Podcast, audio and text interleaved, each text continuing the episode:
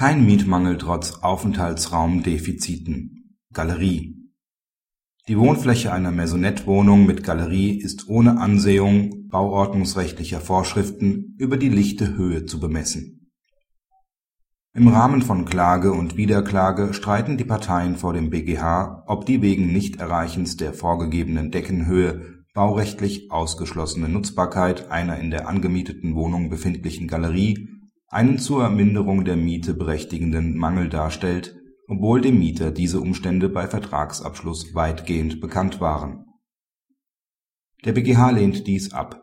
Ein Mangel der Mietsache ist unter Berücksichtigung des subjektiven Fehlerbegriffs nur dann gegeben, wenn ohne gesonderte Vereinbarung der Parteien eine Nutzung als Wohnfläche ausgeschlossen ist. Da dem Mieter bei Vertragsabschluss die bauseitige Ausstattung der Wohnung infolge Besichtigung bekannt war und die Galerie zu Wohnzwecken vermietet worden ist, liegt kein Mangel vor. Praxishinweis Der BgH setzt seine jüngere Rechtsprechung fort, dass es für die Beurteilung eines Mangels im Wesentlichen auf die Vereinbarungen der Parteien über die Beschaffenheit der Mietsache ankommt. Daraus folgt, dass bei der mietrechtlich vorzunehmenden Flächenberechnung öffentlich-rechtliche Nutzungsbeschränkungen zumindest so lange außer Betracht zu bleiben haben, bis die zuständige Ordnungsbehörde einschreitet denn bis zu diesem Zeitpunkt wird eine Nutzung zu Wohnzwecken entsprechend der vertraglichen Vereinbarung nicht behindert